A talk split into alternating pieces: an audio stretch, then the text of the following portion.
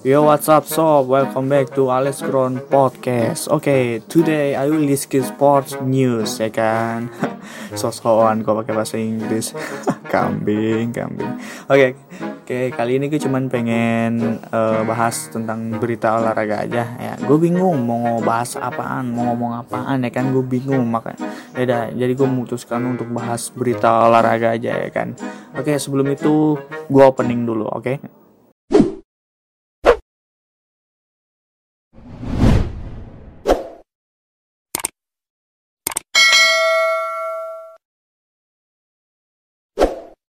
Oke, tadi kita udah pening ya kan. Ini sekarang berita yang pertama uh, Arsenal dari lupakan pemain baru, Arsenal prioritaskan kontrak Aubameyang. Oh, jadi uh, pemain baru dilupakan ya. Ada berita lah baru nih untuk penggemar Arsenal nih, berita baru nih. Berita transfer, Arsenal dikabarkan lebih memprioritaskan kontrak baru untuk Pierre dan Emerick Aubameyang daripada mendatangkan pemain baru pada jendela transfer musim panas mendatang ya kan ini ya, simak baik-baik nih untuk penggemar Arsenal ya kan? Khususnya gue juga nih penggemar Arsenal. Penyerang berusia 30 tahun itu merupakan salah satu pemain paling penting bagi The Gunners sejak bergabung dari Borussia Dortmund pada Januari 2018 mencetak 61 gol dalam 97 penampilan. Keren, cakep, mantap nih. Dan sekarang bertugas sebagai kapten klub. Wah, keren. Keren, keren, cok. Tetapi Aubameyang hanya memiliki 12 bulan tersisa pada kontraknya saat ini. Why? Dan Arsenal berisiko kehilangan dia dengan status bebas transfer musim panas mendatangkan mendatang jika mereka tidak dapat mencapai kesepakatan baru klub London Utara itu memiliki hubungan yang baik dengan ayah sekaligus agen Aubameyang. Pierre Francois dan The Telegraph mengklaim Arsenal dapat memanfaatkan itu untuk memuluskan negosiasi. The Telegraph juga menyatakan bahwa masa depan Aubameyang adalah prioritas utama Arsenal dan klub klub setiap siap untuk melupakan semua target mereka di musim panas untuk meyakinkan striker internasional Gabon itu agar mau bertahan di Emirates Stadium. Yo, jadi di sini Aubameyang ya kontraknya katanya uh, tinggal tersisa 12 bulan di Arsenal. Tapi Arsenal uh, berisiko kehilangan dia gitu. Berisiko ah Aubameyang akan kehilangan pemain yang sangat ah, the best. gue gue nggak terlalu begitu paham sih tentang uh, apa namanya bola begini tapi gue bahas aja deh ya kan? Gue bete mau bahas apa jadi Arsenal kehilangan dia dengan status bebas transfer musim panas mendatang ah The Gunners The Gunners kali ini uh, berita sedih lagi untuk The Gunners kita kehilangan pemain lagi untuk klub Arsenal. Oke, ini ada lagi nih. Odion Igalo yakin bisa berikan dampak besar bagi Man United. Eh, kita buka nih coba loading emang kampret. Tunggu bentar. Ya berita sepak bola ya. Nih uh, berita untuk kalian khusus kalian yang penggemar Manchester United atau Man United ya kan. Simak baik-baik ini. Tadi ya kan Idion Igalo yakin bisa memberikan dampak besar bagi Man United. Berita sepak bola striker Manchester United Idion Igalo tak menampik bahwa ada banyak pihak yang meragukan kualitasnya saat bergabung dengan The Red Devils. Namun Igalo mengaku sangat yakin bisa memberikan dampak besar bagi klubnya saat ini. Igalo didatangkan oleh Manchester United dari Shanghai Shenhua pada Januari lalu dengan status sebagai pemain pinjaman. Striker, striker, kan? striker asal Nigeria itu memang sengaja didatangkan sebagai solusi jangka pendek bagi lini di depan setan merah ya atau Red Devils ya, setelah Marcus Rashford terpaksa harus menepi akibat cedera retak tulang punggung. Uh, tuh retak tulang punggung dong, mantap itu, gila. Di awal kedatangannya tak sedikit pihak yang meragukan kapasitas Igalo sebagai seorang striker. Salah satu alasannya karena Igalo tak pernah membela klub besar terlebihnya usianya saat itu telah mencapai 30 tahun. Namun seiring dengan berjalannya waktu, Igalo berhasil membuktikan kualitasnya dengan mencetak 4 gol dan menyumbang satu assist bagi MU atau Manchester United atau atau The Red Devils dari total 8 penampilan di semua kompetisi. Weh, keren. Mantap nih kalau untuk untuk kalian yang penggemar Manchester United nih, oh, mantap nih punya pemain begini nih kan. Sedangkan kita tadi uh, penggemar Arsenal kehilangan satu pemain. Igalo sendiri menyadari bahwa banyak pihak yang tak menyukai kedatangannya ke Old Trafford. Namun dia memastikan bahwa dia masih memiliki peluang untuk memberikan dampak besar bagi Man United. Oke, jadi di sini Galo eh, kan didatangkan oleh Manchester United dari Shanghai Shenhua pada Januari lalu ya. Tapi dia eh, dengan status sebagai cuman hanya sebagai pemain pinjaman ya. pemain pinjaman tapi keren gitu pemain pinjaman gitu mantap kan ya eh, buluk-buluk gini ya kan ganteng mantep nih gagah keren Oke, jadi lanjut kita ke berita apa ini? Rika menarik kita cari yang menarik yang bentar. Oh, yang menarik yang menarik kita cari lagi cok. Oh ini dia pemain basket. Pemain basket Steve Kerr punya harapan besar akan pemain muda Warriors. Warriors ya. Omong bahasa Inggris terus terus bisa kami Berita basket ya. Golden State Warriors terpaksa menutup musim 2020 lebih cepat usai tidak diundang NBA untuk melanjutkan kompetisi di Orlando bulan Juli mendatang. Dengan kepastian tersebut, Warriors akan berusaha keras untuk mengembangkan pemain muda yang ada.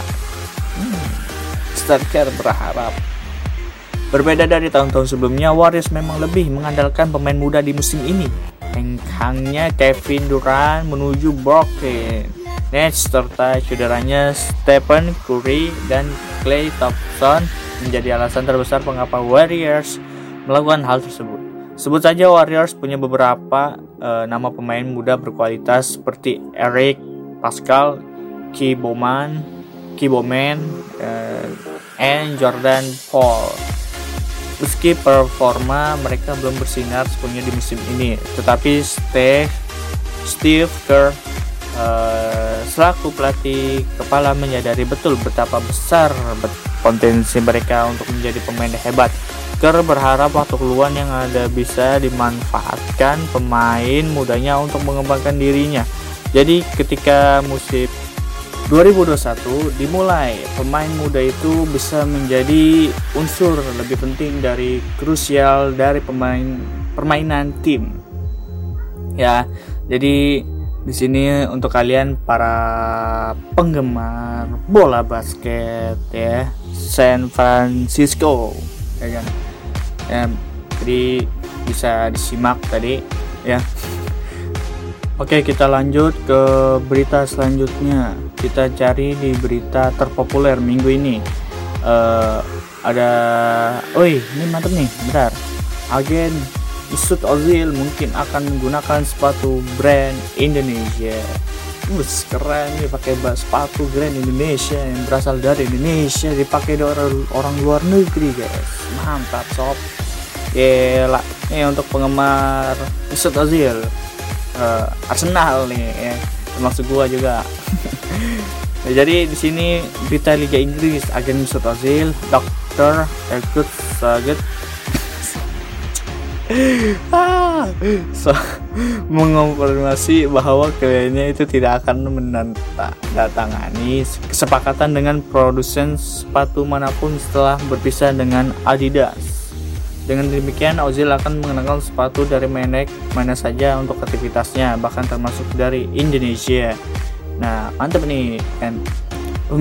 Pemberitaan yang beredar pada Rabu ya, mengklaim Ozil telah didepak oleh Adidas karena mereka khawatir akan citra yang mulai berkurang dari pemain berusia 31 tahun tersebut dan juga dampak dari pandemi virus corona.